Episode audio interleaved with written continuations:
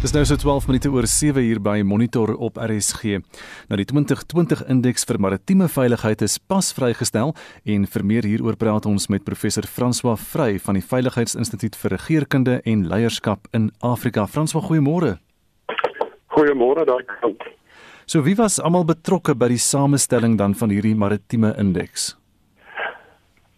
Die indeks word saamgestel deur 'n uh, nie-regeringsorganisasie wat in uh, Amerika sit En wat hulle doen is hulle bou 'n netwerk van persone en instansies wat vraelyste voltooi oor 'n periode van tyd rakende die instansies se sieninge van bepaalde Afrika lande, kusstate in die besonder en dan het hulle 'n hele reeks van aanduiders binne die vraelyste waarop hulle vir die entiteite vra om te reageer en waardes toe te ken. En die uh, indeks uh, word opgedateer beide in terme van ehm um, waarna hulle presies kyk, maar ook in terme van die netwerk uh binne Afrika lande op die kusstate veral om die netwerk uh meer digter te maak en om dit te verbeter en meer akkuraat te maak oor tyd. Watter gebiede en en seewaters word dan spesifiek deur hierdie indeks gedek? Die indeks deel wat ons van Stellenbosch af mee saamwerk handel spesifiek rondom kusstate van Afrika. Die indeks self het baie uitgebrei om nou ook byvoorbeeld die Arabiese Skiereiland en dan ook lande van Suidoos-Asië in te sluit.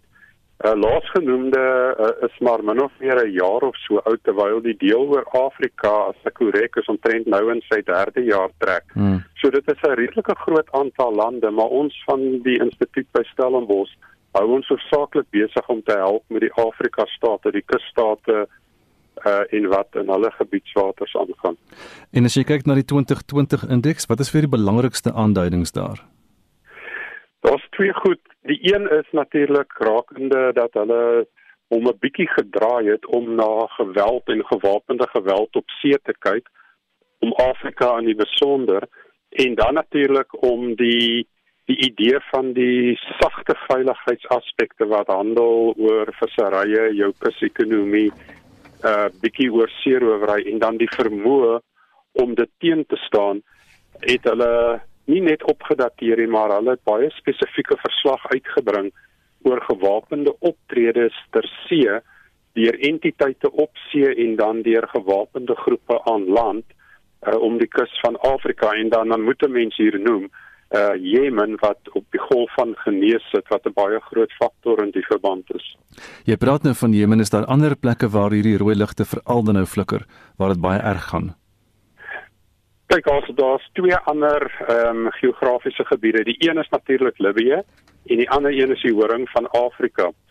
Uh dit is konfliksones en ons weet dat byvoorbeeld in Ethiopië op die oomblik uh gaan dit nie baie goed nie. Die konflik wat daar uitgebreek het hierdie konfliksones het is natuurlik sterk stootfaktore wat mense forceer om te probeer migreer en in Libië is dit soos wat dit maar algemeen bekend is is die trekpleister om noord oor die Middellandse See in Europa te probeer gaan mm -hmm. en dan natuurlik in die horing van Afrika daai gebied Eritrea Ethiopië Somalië en so voort is dit uh, oor die Rooi See en oor die Golf van Aden na die Arabiese Skiereiland met sy werksgeleenthede uh in Saudi-Arabië en die Emirate en hierdie is natuurlik baie kwesbare entiteite wat op verskillende maniere ek wil amper sê um afgesuikel word om byvoorbeeld in hulle beland op visserskepe, vissersvlote onder baie swak omstandighede uh, party word weer as in kinderhandel opgeneem, vrouens word weer in ander tipe handel opgeneem. Met ander woorde, dit is een van die faktore waarna hulle ook gekyk het as die mate waartoe hierdie vloei van migrante eintlik ander veiligheidsaspekte begin beïnvloed, byvoorbeeld die uiters swak omstandighede, amper slawerny omstandighede waar mense opland uh in vissersvlote en op visserskepe.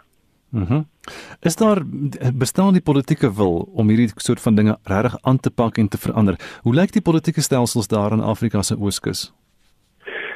Die die stelsel om byvoorbeeld maritieme veiligheid oor die algemeen te verbeter En hoe die indeks daarna kyk is is in kategorieë van die vermoë om iets te doen, wat moet jy beskerm en wat is die drukfaktore? As 'n mens weer dan kyk na baie spesifieke kwessies, kom ons vat byvoorbeeld die mate waartoe uh, mense op visserskepe en vlote beland uiters onder uiters gevaarlike omstandighede. Daar raak dit weer baie moeilik. Die een is 'n mate van wat is die vermoë om hier teen op te tree. Die tweede een is natuurlik die mate waartoe hierdie vaartuie vir baie lang periodes as gevolg van transshipments en die skaarsheid van vissersbronne baie baie diep in die see opereer baie lang periodes en die mense wat daar opland het eintlik geen uitweg as om vir maande of vir jaar of langer op daai vaartuie te bly en dan miskien in 'n Afrika hawe aan te kom waar hulle kan ontsnap of waar die hmm. owerhede die skip inspekteer of so iets. So dis basies haglike omstandighede op daardie skepe en dan die toestand van die skepe self is hulle nog half seevaardig. Ja, kyk, die punt is is dat wat gebeur is dat ehm um, in hierdie vloei met kriminele syndikaate want dit is uiteraard nie ehm um, wettig nie.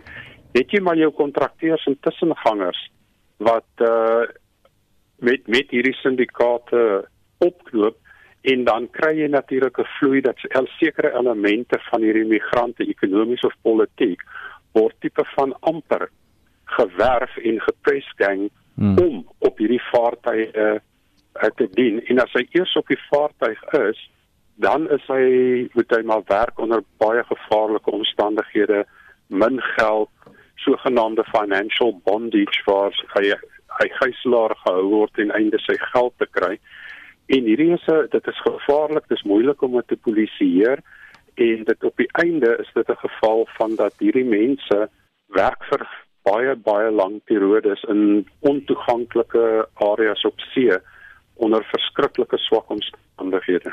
So, land lande ja. het nie eintlik die vermoë om so ver uit te patrolleer aan boord te gaan behalwe as hulle saam met lande en owerhede kom ons noem dit nou maar 'n dossier opbou, skepe identifiseer en hulle spesifiek teiken uh as as rooi ligte om te kyk wat gaan op bepaalde vaartuie aan.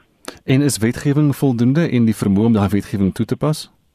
Ek dink die wetgewing is in baie gevalle in plek, maar die gewilligheid van lande om dit toe te pas en dan die vermoë om daar waar daai vaartuie opereer, dit daar toe te pas en te kyk wat gaan daar aan en dan die sogenaamde legal finish uh, af te handel. Dit is baie moeilik. Dit ek dink nie dit gebeur uh, genoeg nie met die gevolg is is dat die probleem van hierdie persone wat onder hierdie omstandighede op hierdie vissersvaartuie spesifiek werk, ehm um, hulle is nie uh, geneig daartoe dat hulle probleem eintlik opgelos word en dat hulle uit daai situasie uitkom nie. Hmm. François baie dankie professor François Vrey van die Veiligheidsinstituut vir Regeringskunde en Leierskap in Afrika. En ons bly by hierdie onderwerp en uh, slawerny op see. Dis hoe Irina Bukharin, senior ontleder by die Washington gebaseerde nie-regeringsorganisasie Center for Advanced Defence Studies, die toestande waaronder Suid-Afrikaanse vissers werk, beskryf. Bukharin wat ook mense slawehandel moniteer sê vissermanne in Suid-Afrikaanse gebiedswaters word uitgebuit. Om nie eers te praat van die geldwasery, mensenhandel en belasting ontduiking wat deel van die kultuur aan ons kuslyn is nie. Nog 'n persoon wat dit eens is met Bukharin is professor Henny van As, direkteur van die Wetstoepassingsakademie Fishforce wat in die baai gebaseer is. Goeiemôre Henny. Môre. Henny, vertel vir ons meer oor Fishforce. Ehm um, ons universiteit het so 'n paar jaar gelede besluit geneem om te fokus op die oseaan as as 'n uh, een van ons fokusareas en op hier in 2016 het ons 'n voorlegging gedoen aan die Noordwese regering om 'n eh, om die Fish Force Akademie van die grond af te bring en ons het toe befondsing gekry. Nou ons benadering is een van vissery misdaad in teenstelling met onwettige, ongerapporteerde en ongereguleerde vissery. Dit beteken dat wanneer om, dat wanneer ondersoeke gedoen moet word, moet daar gekyk word of daar nie verbintenisse met hierdie sogenaamde met die ander misdade is soos mensenhandel of moderne slawerny dwelm op wapen of sigaretsmokkelary, bedrog, korrupsie, geldwasery en belasting uh, aangeleende is nie. Gewoonlik is dit maar is moeilik om te bewys en, en na te spoor. En ons probeer hierdie uh, filosofie vestig dat waar jy kyk na vissery misdade daar, gekyk moet word ook na hierdie verwante misdade, dan dit dra groter straf. Mm -hmm. En een van hierdie verwante misdade is dan nou uh, mensenhandel en slawehandel. Ek bly jy praat nou van die wet daar nie reg. Jy self het 'n regsagtergrond. Wat is Fishforce se benadering? Ons benadering is om uh intelligensie gedrewe ondersoeke uh te probeer bevorder om om daar om agter te kom wat daar is die die die, die, die groot indoeners wat betrokke is by die by die vissery misdade wat onder andere slawerny en dwelmhandel en so aan insluit. Uh en dan om om om om vervolgings in terme van die die wet op die voorkoming van korrupsie uh te bevorder. Uh so dan die straf straffe is gewoonlik baie swaarder en dit dien gewoonlik ook uh, meer as 'n afskrikmiddel. Nou nee, die probleem gaan natuurlik net in Suid-Afrika nie, dit is ook 'n probleem wat strek uh, aan die Namibiese kus op daai geweldige lang kus van Namibië en ook aan Oos-Afrika aan die ander kant van die vasteland ook daar. Werk julle saam met daai owerhede om hierdie probleem te probeer hokslaan? Ons uh, by die Nelson Mandela Universiteit het ons akademies omtrent oral nou al gevestig in Suidwestelike Indiese Oseaan. Namibië, Mosambiek, Tanzanië, Kenia, uh, Seychelles, Mauritius en binnekort ook uh, Madagaskar en so aan en ons ons ons fasiliteer samewerking tussen agentskappe in die verskillende uh lande wat, wat ek nou net genoem het. En dan werk ons ook saam met akademiese instellings in daardie lande. En akademiese instellings gee die opgee ondersteuning aan die wetstoepassingsagentskappe. As jy 'n voorbeeld noem ons ons begin ons het drie bene wat waar ons lei die mense eerstens op om die wette reg toe te pas. Met 'n menslike uh, uh, met 'n menseregte agtergrond en dan doen ons ook navorsing en die navorsing voer ons in in die opleiding en ons maak dit ook bekend uh, beskikbaar aan die wetstoepassingsagentskappe en dan het ons ook 'n diens wat ons noem na opleiding ondersteuning. Dan word as die persone wat opgelei is in die veld opereer en hulle kom op 'n probleem af, dan kan hulle ons kontak. Ons het drie maniere waarop hulle ons kan kontak. En dan ons 'n span kenners beskikbaar wat terwyl die operasies en terwyl die werk aan die gang is vir die mense kan raad gee en adviseer wat om te doen. As jy pas ons aangesluit het, ons praat ver oggend met professor Henny van As. Hy is direkteur van die Wetstoepassingsakademie Fishforce. Henny, jy is tans besig met 'n ondersoek na kreefstropery. Wat het jy tot dusver bevind? Jong, die ding het eintlik by die perlemoen begin. En dit is nou wel bewese dat perlemoen nie alles nie, maar 'n groot groot deel daarvan is is georganiseerde misdaad. Daar's geen twyfel daaroor nie. Ons het toe ook nou begin kyk uit 'n navorsingsoogpunt uit na die die kreef situasie. Daar's baie mense wat met 'n paar krewe gevang word en so, maar daar is ook baie gevalle waar mense tot op 10000, 12000 kreefsterkte in hulle besit het. En ons het gevind dat daar is 'n verband tussen daai grootskaalse kreefsmokkelary en ehm um, georganiseerde misdaad en ons is op hierdie stadium redelik uh, oortuig daarvan dat die die, die kingpin soos hulle sê sit in Johannesburg. Hm. So ons sal nou met ander navorsingsliggame en met met met ehm um, uh, praktisyns of wetstoepassingsagentskappe begin werk om verder inligting in te win en hoe heel moontlik kan ons hierdie mense dan nou uh aan die kaak stel. Jy praat nou ja, geweldige baie hoeveelhede wat gesteel word. Jy praat so van die georganiseerde misdaad aspek daarvan uh, van al hierdie dinge. Is is daar regtig so oor oor so 'n koppeling van al die misdade met 'n in woorde syndikaate wat met alles betrokke is holisties van bo af? Ehm um, of of is dit so dat dit dat dit gebeur van plek tot plek en anders is?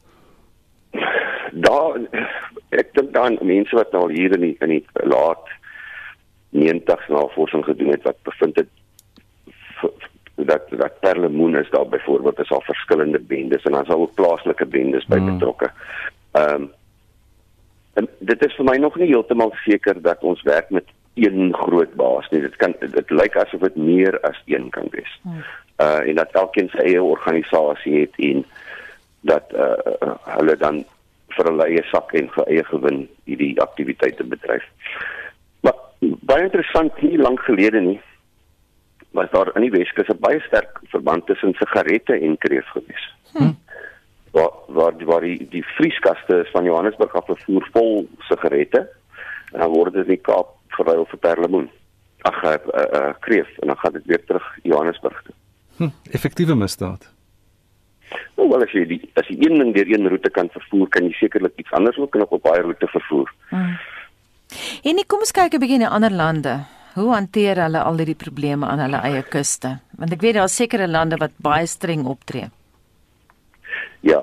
Uh as ons nou praat van van stropery, byvoorbeeld die Indonesië byvoorbeeld um, onder hulle minister van visserye uh, sy gee opdrag dat hierdie vaartuie gekelder word. Hulle kry die bote, hulle vang onwettig vis. Ehm um, hulle neem die produkte af, hulle haal die mense af en hulle kelder dit. Hulle stuur hulle oorlogbote en kelder hom en hy word 'n reef of 'n rif waar die visse verder kan beweeg. Mm, mm. En hulle toe ek nou laas kyk het was redelik oor die 300 vissersbote wat hulle so gekelder het en ek is redelik in kontak met hulle en ehm um, die boodskap wat ons daar gekry het dat dit dat dit baie beter gaan. Mense weet ons moet nie daar gaan stroop, ons moet nie daar steel nie want ons gaan gestraf word. Gepraat van van die ander lande, julle het ook al geld gekry van die Noorse regering om te probeer om mense identifiseer wat eh, wat onder dwang werk. Hoe vorder daardie projek? Weet jy ons het uh, die aanvanklike uh, uh, fishforce uh, is is heeltemal deur die Noordwes befonds en toe het ons verlede jaar weer by hulle geld gekry want ons het geïdentifiseer dat by by hawens is ehm um, daar's altyd 24 ure dag sekuriteitswagte en ons het toe 181 van hierdie sekuriteitswagte opgelei om hoe om mense te identifiseer waarmee moontlik gehandel kan word of wat die onderwerp van een of ander vorm van dwangarbeid is ons het kundiges gebruik om dit te doen. Uh, ons het ook vir hulle geleer hoe om moontlike spesies te identifiseer en dan hoe om hulle observasie uh, of hulle waarnemingsvermoëns te verbeter. En toe het ons 20 van daai mense opgelei as opleiers sodat hulle nou self verder kan gaan binne in die uh die die uh, hawe owerheid. Ehm um, en dit het so einde verlede jaar ten einde gekom en daai befondsing was ook deur die Noorse veer. Hulle Noorwe is baie nou betrokke by die befondsing van om om die beskerming van marine lewe lewende hulpbronne te te bevorder omdat hulle besef dit is so groot deel van die internasionale ekonomie en natuurlik het ons ook die sustainable development goals uh waarvan een 'n hele paar hier weer aangespreek deur deur hierdie optredes aangespreek word. Ons moet die uh, lewe onder water bevorder, ons moet armoede uitskakel, mm. ons moet mense kos gee en al die en uit daardeur probeer hulle natuurlik ook hulle hulle kant bring om uitvoering te gee aan hierdie uh, doelwitte van die Verenigde Nasies.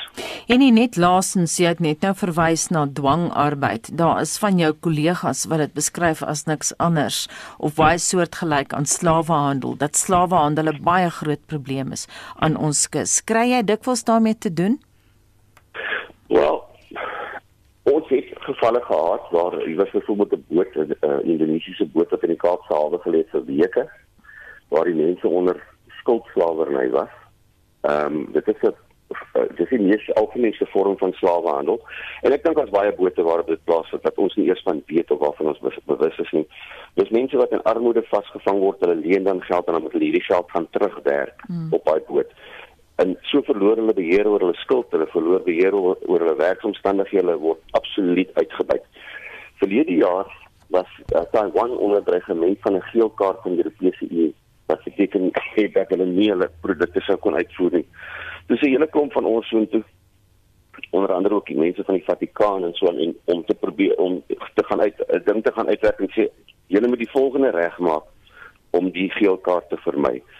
En ongelukkig besef nie alle regerings dat hulle hulle daai verpligting het soos wat die Taiwanese besef het. Ons probleem ook ons het te min vaartuie. Goed gebeur rondom ons kus dat ons nie by kan uitkom nie. Ehm um, as jy gaan kyk ons bure na die noorde, Namibië het baie min uh, hmm. vaartuie. Mosambiek, Kenia, Tanz Tanzanië, Mauritius en Seychelles in die, in die in die Mosambiek kanaal is dit grootendeels die Franse wat patrolleer. Hmm. Baie dankie dit dan professor Henny van Assys direkteur van die Wetstoepassingsakademie Fishforce en dit bring bring ons by 732. Is dit hoe lyk dit terugvoer nou in hierdie stadium? Louis van die kerk sê ek weet van matriekleerders wat so gedismotiveerd is want hulle het hard gewerk en nou word dit deur skelms ongedaan gemaak en verder hoor of sien jy niks nou eintlik van die kriminele vervolging nie. Leerlinge wat in besit was, moet die gevolge dra, maar nou word almal gestraf. Amelda van die Parel laat weet, ons matrieks was so braaf hierdie jaar, maar hierdie aankondiging het hulle moed gebreek. Die besluit is geneem deur mense wat hulle self opvoeders noem, maar die kind se emosionele welstand is glad nie in ag geneem nie. En 'n luisteraar laat weet op ons SMS-lyn wat van ouers wat vakansies beplan het en ten duurste verblyf betaal het. Ek weet van gesinne wat vliegtuigkaartjies Kaap toe bespreek het. Wie gaan daarvoor betaal? My hart breek vir die matrieks na 'n jaar van hel nog dit ook. En laat weet nog 'n luisteraar, laat hulle wat skuldig is middel volgende jaar oorskryf. Met ander woorde, hulle straf is 'n hele jaar wat gemors is omdat hulle nie matriek voltooi het nie en daarom nie kan voortgaan met enige tersiêre onderrig totdat hulle die eksamen voltooi het nie. Ons praat vanoggend oor die twee matriekvraestelle wat oorgeskryf moet word en ons vra vir jou, stem jy saam met die besluit en dink jy dit is onregverdig teenoor die leerdlinge of dat leerdlinge miskien die kans moet aangryp om hulle punte te verbeter. Stuur 'n SMS na 45889, onthou dit kos R1.50. Gesels saam op ons Facebookblad by facebook.com vorentoe skynstreep ZARSG of WhatsApp vir ons stemnota na 076 536 6961. En ons gaan terug na een van ons hoofdtrekke toe. Die Kaapse Wynland Distriksmunisipaliteit se branddienste bestry tans 'n veldbrand in die berge bokant Stellenbosch. Nou die brand is laat gister aangemeld en ons praat nou met die kommunikasiebeampte van die Kaapse Wynland Distriksmunisipaliteit. Oh, dis 'n mondvol. Joanne Otto, goeiemôre Joanne.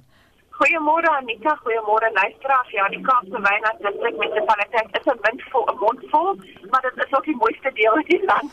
Joanne, hoe lyk die brande daar nou?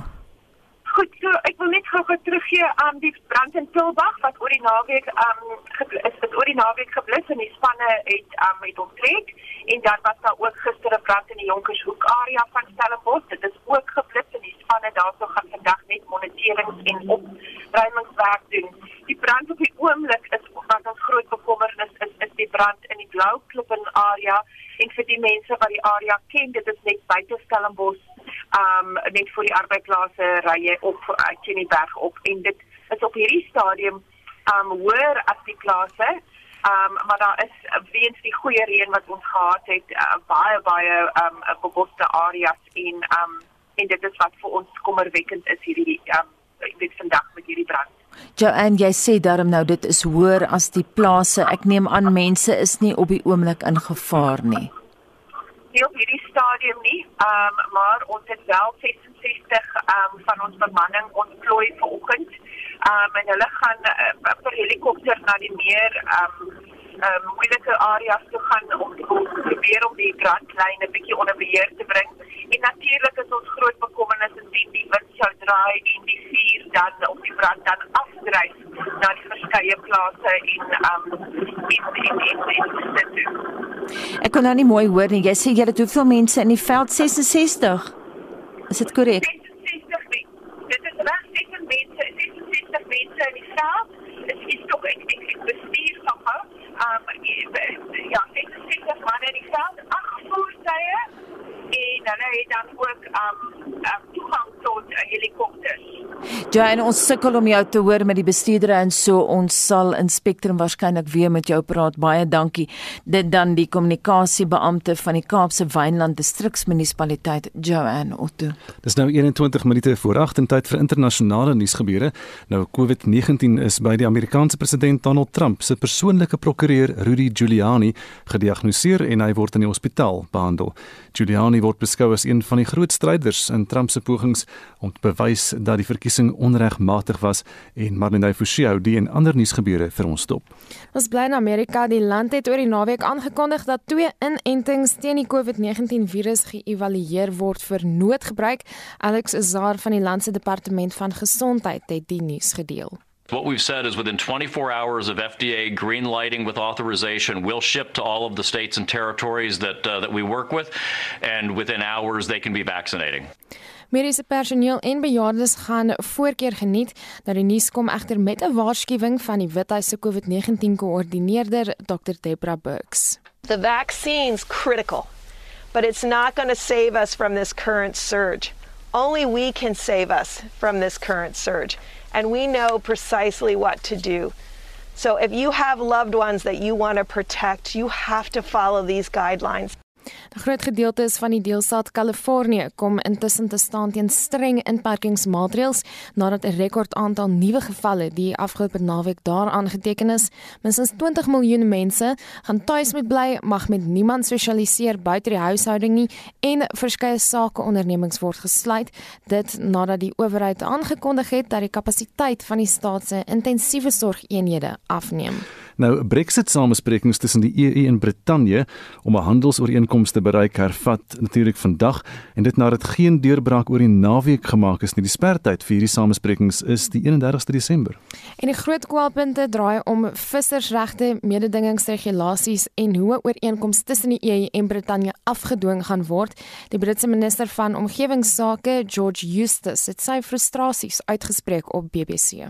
We want to be doing a free trade agreement as a sovereign equal with the European Union. And so anything that, that undermines our ability to control our own waters, for instance, or undermines our ability to make our own laws, isn't something we can accept. Daar is veral kommer van Frankryk se kant af wat regulasies om vissery betref. Alexander Holroyd is 'n lid van die Franse nasionale vergadering. This is the framing of the relationship between the UK and the EU for years, decades to come. And so we have to be absolutely convinced on both sides of the channel that it is the right framing for this relationship. And if it is not, we shouldn't sign it. En dit was Alexander Holroyd, lid van die Franse Nasionale Vergadering. En ons verskuif dan die aandag na Australië waar inwoners van Fraser Eiland hulle wonings moes ontruim weens 'n reuse bosbrand. Die bosbrand is veroorsaak weens 'n onwettige kampvuur en dit woed nou reeds vanaf middel Oktober aan die land se ooskus naby Queensland. Die Brian Cox van die Queensland's brand en nooddienste sê die brand is nou 'n klipgooi weg van die dorp Happy Valley af. The fire has reached around about 700 metres short of the township itself. We've asked people to leave. Some have chosen to stay and fight for their homes. We have emergency response crews there as we speak now, supporting them on the ground with those fires. It is a very complex environment. As you know, it's the world's largest sand island. Some of those burns of sand uh, make it very difficult to get into. So we're using increasingly more air operations to support them. Nou minstens 25 vliegtye word ingespan teen die brand met die einddoel om minstens 'n miljoen liter water oor die brande uit te giet. En dit was dan Marlene Forsie met vanoggend se wêreldnuus gebeure. Baie welkom as jy pas by ons aangesluit het. My naam is Anita Visser. Dis nou 7:43 en ons keer terug na sportsake en ons praat met Pieter van der Berg. Môre Pieter. Goeiemôre Anita. Drie Karibeker rugbywedstryde is nou die naweek besis en uh, daar was ook verskeie internasionale of daar is liewer verskeie internasionale wedstryde gespeel. Vertel ons daarvan. Ja, in die Karibeker reeks se Vrydag is dit die eerste wedstryd wat uh, van die naweek wat gespeel was en daar het die Pumas die Griekwas geklop met 22-17. En Saterdag was die Bulle in die tweede helfte teen die Vrystaat uh, baie baie goed gewees dat die Vrystaat rugby les geleer in die wedstryd met 40-13 gewen. En dan het die Lions die WP getroof met 22-19. Op die punteleer is die Bulle op 32 punte, die is tweede met 24, die WP derde met 21 en die Lions nou vierde met 20 punte. Dan in die Herfsnasiesbeker is die laaste 4 wedstryde van die seisoen gespeel. Wales het vir Italië uitoorlê met 38-18, Ierland troef vir Skotland 31-16 en is Fiji wat 'n oorwinning van 38-24 oor Georgië behaal het. Gister is dit dan Engeland wat in ekstra tyd vir Frankryk klop met 'n 22-19 en Engeland is ook so dan as die kampioenspan gekroon. En in die drie nasies is dit Australië en Argentinië wat Saterdag in 'n nat sukkie kragtig gemeet het. Daardie wedstryd soos in een van hulle vorige wedstryde ook gelyk op geëindig met 16 punte elk. Op die punteleer is dit Nieu-Seeland dan bo met 11 punte, Argentinië tweede met 8 en Australië derde ook met 8 punte. En dan die Suid-Afrikaanse Ope Golftoernooi het gister op Sun City ten einde geloop en daar was golfaksie in Europa en dan die Amerikaanse PGA reeks Pieter. Ja, Christian Besuit nou, hy het sy tweede toernooi in 'n ry gewen. Verlede week het hy die Alfred Daniel Kampioenskap ingepalm en gister die SA Ope Kampioenskap daarbey gevoeg. Nou hy het op 1800 syfer geëindig, 5 houe voor Jamie Donaldson van Wallace wat daar in die tweede plek was op 1300 syfer. Dylan Fratelli eindig derde op 1100 met Dean Burmester vierde en JC Ritchie vyfde. Dan is die Dubai Golfkampioenskap in die Verenigde Arabiese Emirate afgehandel. Antonio Rosner het daar geseëvier op 2500 syfer, twee houe beter as die van Andy Sullivan en Matt Wallace. Dan in die Amerikaanse PGA reeks is die Mayakoba toernooi in Mexico voltooi. Victor Hovland was daar die wenner op 2000, een hou beter as Aaron Wines wat op 1900 was. Brandon Grace Anita van Suid-Afrika het 40ste geëindig op 600 syfer. En op die internasionale cricketfront is die eerste eendag internasionale wedstryd tussen Suid-Afrika en Engeland wat gister gespeel moes geword het uitgestel. Wat is die jongste daar? Ja, daardie eerste wedstryd is toe later gekanselleer nadat werkers by die hotel waar die Engelse span tuis gaan positief getoets het vir COVID-19. Daar sal dus nou net twee wedstryde in die reeks gespeel word. Die eerste wedstryd is vir vandag geskeduleer en dan Woensdag sal die tweede een gespeel word. En dan is die uh, tweede T20 uh, kragmeting tussen Australië en Indië gister afgehandel. Indië die eerste wedstryd gewen en gister die reeks beklink toe hulle met 6 paadjies gesê het die laaste wedstryd sal môre gespeel word. En New Zealand het 'n oorwinning van 134 lopies en 'n beurt, 'n beurt en 134 lopies behaal oor die Wes-Indiese eilande in hulle eerste toets wat in Hamilton afgehandel is. En dan die voorlaaste Formule 1 Grand Prix van die seisoen is gisteraand gejaag. Het Lewis Hamilton se plaasvervanger toe enige hond daar afgemaak, Pieter?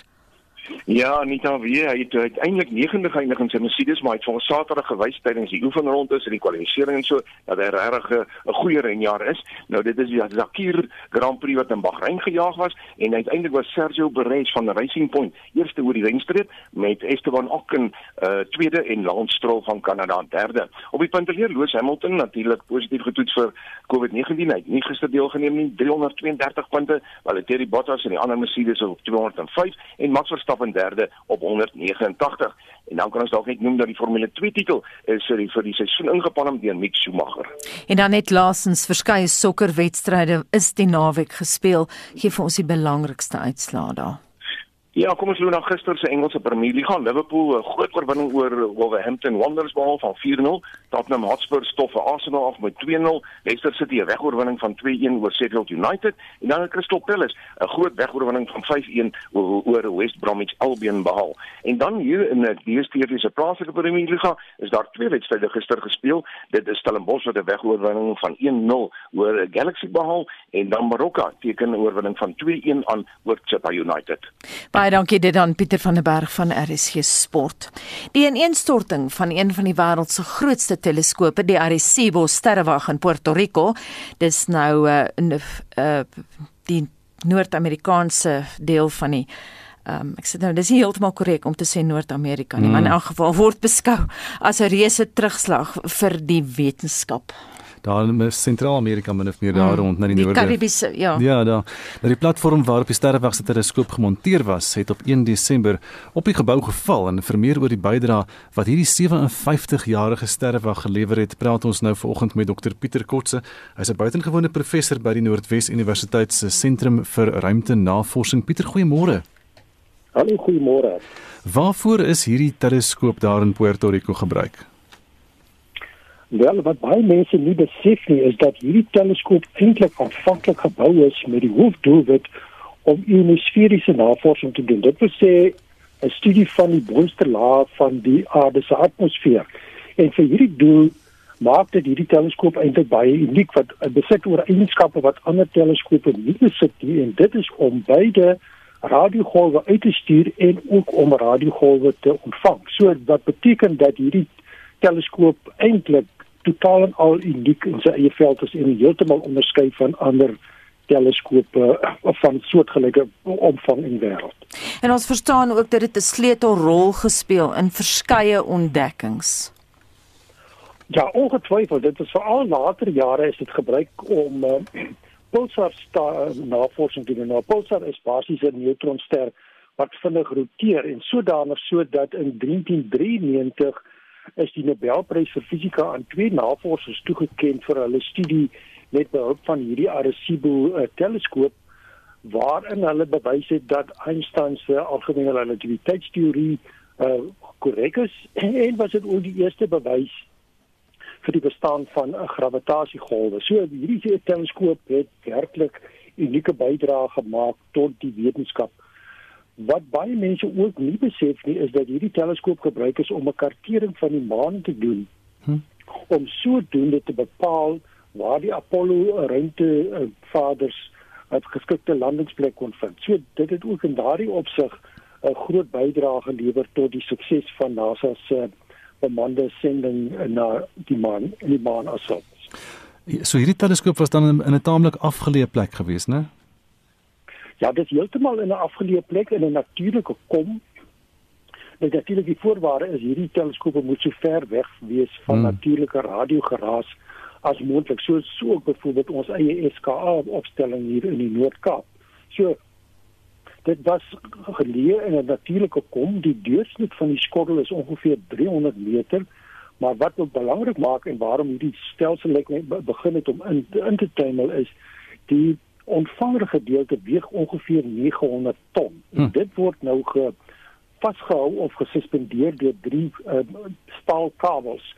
En die kabels het vir 57 jaar 100% gefunksioneer, maar hier in Augustus het een van hulle sonder enige waarskuwing begin om 'n uh, verswakking te toon en het begin om die hele stelsel na benede te trek. Sê vir my dan so uh, ja. ja. Sê vir Pieter wat nou gemaak? Kyk, nou is daar eintlik basies niks oor vir die om verder te gaan met hierdie skottelie of hierdie uh, teleskoop nie. Dit word nou ge, afgetakel. Die enigste alternatief wat daar bestaan op hierdie stadium is die Chinese skottel van 500 meter in deursnit wat in 2016 in bedryf gestel is. Maar waar hierdie stelsel onderskei van die Arecibo is dit kan slegs radioseine ontvang. Dit kan nie radioseine uitstuur nie want in die laaste tyd is hierdie Arecibo ook gebruik om byvoorbeeld uh, asteroïdes te karteer om te sien wat is die grootte, die vorm en ook die baan van asteroïdes wat 'n moontlike gevaar vir die aarde self kon inhou. So hierdie fasiliteit is nou ook nie beskikbaar nie. So dit laat 'n groot leemte vir hm. die uh monitering van asteroïdes wat 'n moontlike gevaar vir die aarde self kon inhou. Jy praat nou so van daardie kabel wat so sonder waarskuwing losgekom het, maar tog die teleskoop was naamlik oud gewees, 57 jaar oud. I mean daar was ander tekens van verval wel gewees. Is 'n baie belangrike instrument soos jy nou verduidelik. Ehm um, is hy behoorlik in stand gehou oor die algemeen? Ek sou my so voorstel ja dat dit wel in stand gehou is. Maar kyk, dit was 'n befonds en was 'n deel van die nasionale wetenskapsstigting van Amerika van die FSA. So ek kan hmm. my nie voorstel dat daar nie 'n onderhoud gedoen is, maar of dit voldoende was en of die waarskuwingstekens daar was dat die stelsel begin het om uh, verswakking te toon, dit sal ek nou nie kan sê nie, maar ek dink tog daar is van tyd tot tyd na 'n uh, instandhouding gedoen, maar dit was baie van hierdie dinge gebeur as jy net kyk dat dit 57 jaar so lank perfek gefunksioneer het, dan is dit eintlik werklik wonderlik dat dit eintlik nie al voorheen al ja. tekens toon het van verval nie. Baie dankie vir daai insette dit dan Dr Pieter Kotse, buitengewone professor by Noordwes Universiteit se sentrum vir ruimte navorsing. Dis nou so 7 minute voor 8 uur by Monitor op RSG in die Kaapstad se metro het sy eerste laaistasie vir elektriese voertuie in die Bellville burgersentrum bekend gestel. En dit is die eerste van twee sonkrag aangedrewe elektriese voertuiglaaistasies wat vir die eerste 2 jaar gratis aan lede van die publiek beskikbaar gestel gaan word en die ander laaistasie gaan dan in Somerset Wes wees. Die Verenigde Nasies se organisasie vir nywerheidsontwikkeling het die herlaaiers aan die Kaapstad Metro geskenk. Die burgemeesterskomitee lid vir energie en klimaatsverandering, Pindile Makete, sê die ligging is gekies omdat hulle gerieflik en veilig is. Hy sê e-mobility bied die geleentheid om 'n gesonder, meer inklusiewe stad te skep. We are installing these uh, chargers to actually promote the uptake of the EVs in the city of Cape Town because we believe it is the right thing to do because with the number of EVs that are coming across to the city by doing that we will actually be providing clean air for our residents because remember these cars are not emitting anything. So for us to make sure that we decrease on air pollution, it is very important that we promote the use of the EVs.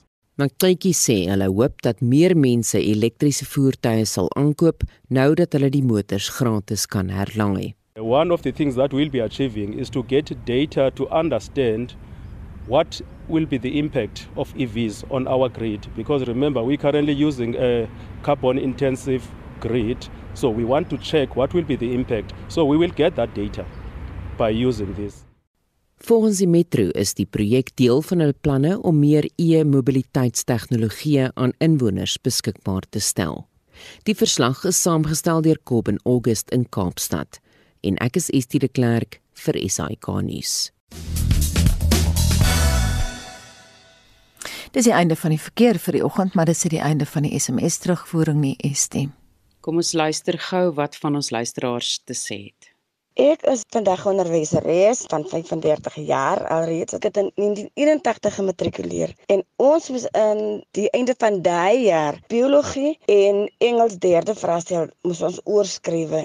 Die dag waarop ons hy twee vraestelle geskryf het, was op die 21ste en op die 23ste van Desember. As ek vir julle vanmôre sê dat enige persoon, 'n skoolkind nog meer al so afgeskakel is van 'n akademiese jaar af. Dat dit so moeilik is om jou weer te kry om te konsentreer om weer te leer vir daardie vraestel. Destyds was ons wat in die Noord-Kaap bly veral. Ons was heeltemal onskuldig want niemand het toegang gehad tot die vraestel wat vir ons sou bevoordeel het op daai stadium. So ek is van mening dat intensief gekyk word na aan wie die kontrakte gegee is. Hoe onbetrouenswaardig kan dit wees vir enige leerder sowel as 'n ouer sowel as onderwyser. Was 2020 'n uiters ondenkbare moeilike jaar. Ja, dis bloot net onregverdig teenoor die leerdlinge. Dit sê hulle skuld. Die skelms in die land moet 'n slag aan die pen gery word. Hulle kom weg met als en onskuldige mense in die land boet daarvoor. Jonathan April opgehoude. My naam is Renay. Ek dink eh, die matriekvraestelle wat moet oorgeskryf word moet deur almal oorgeskryf word. Want hoe kan jy regtig bepaal wie dit gehad en wie dit nie gehad nie? Dit is nou ongelukkig so in die onderwys dat die oomblik as een of twee mense droogmaak word almal gestraf. Maar ek dink as 'n mens nou so groot straf toepas reg oor die land, dan uh, maak dit vir die ander mense is dit vir ander mense 'n waarskuwing om te sê, kyk as jy besig is om te kroek, dan gaan jy almal onder die loop kry dat almal gestraf word. Werner Smit skryf: "Dis nou soos om 'n hele dorp te arresteer omdat een ou die bank beroof het." Trudy Erasmus laat weet hoe gaan die leerders weer vir hierdie vraestelle voorberei. Hulle handboeke is reeds ingeneem. Straf diegene wat die vraestel gelek het, as ook die leerders wat van die geleentheid gebruik gemaak het. Die deler is net so skuldig soos die steler. En dan skryf Jackie Leach, sy stem saam met die minister en sê dan sal dit nie weer gebeur nie en jou 2020 matrieksertifikaat sal nie vir die res van jou lewe bevraagteken word nie. Baie dankie vir jou terugvoer vandag. So 'n minuut voor die einde van ons program vir môre en Marlenae is hier met die dagboek vir Spectrum later vanmiddag. Die onderwysvakbond SADU gaan vandag 'n interdik aanvra om te keer dat matrikulante twee vraestelle moet herskryf. Brackenfell Hoërskool se aansoek vir 'n interdik om te keer dat die EFF buite die skool betoog word weer vandag aangehoor in die Wes-Kaapse Hooggeregshof en die verhoor teen die presidentregter John Slop het hier voort. Dis nadat hy glo regters van die Hooggeregshof genader het om die uitkoms van 'n saak te probeer beïnvloed beïnvloed. Nou daarmee groet die monitorspan namens ons waarnemende uitvoerende regisseur Wessel Pretorius. Die man in die warm stoel vanoggend was Justin Kennedy, ons produksieregisseur Daitron Godfrey en my naam is Anita Visser. Bly geskakel by RSG want net hier na die 8 uur nuus kan jy luister na Praat Saam met Lenet Fransis Puren. Ek is Gustav Vreiling en dan groet ons dan van monitor tot uh, môreoggend weer om 6 uur.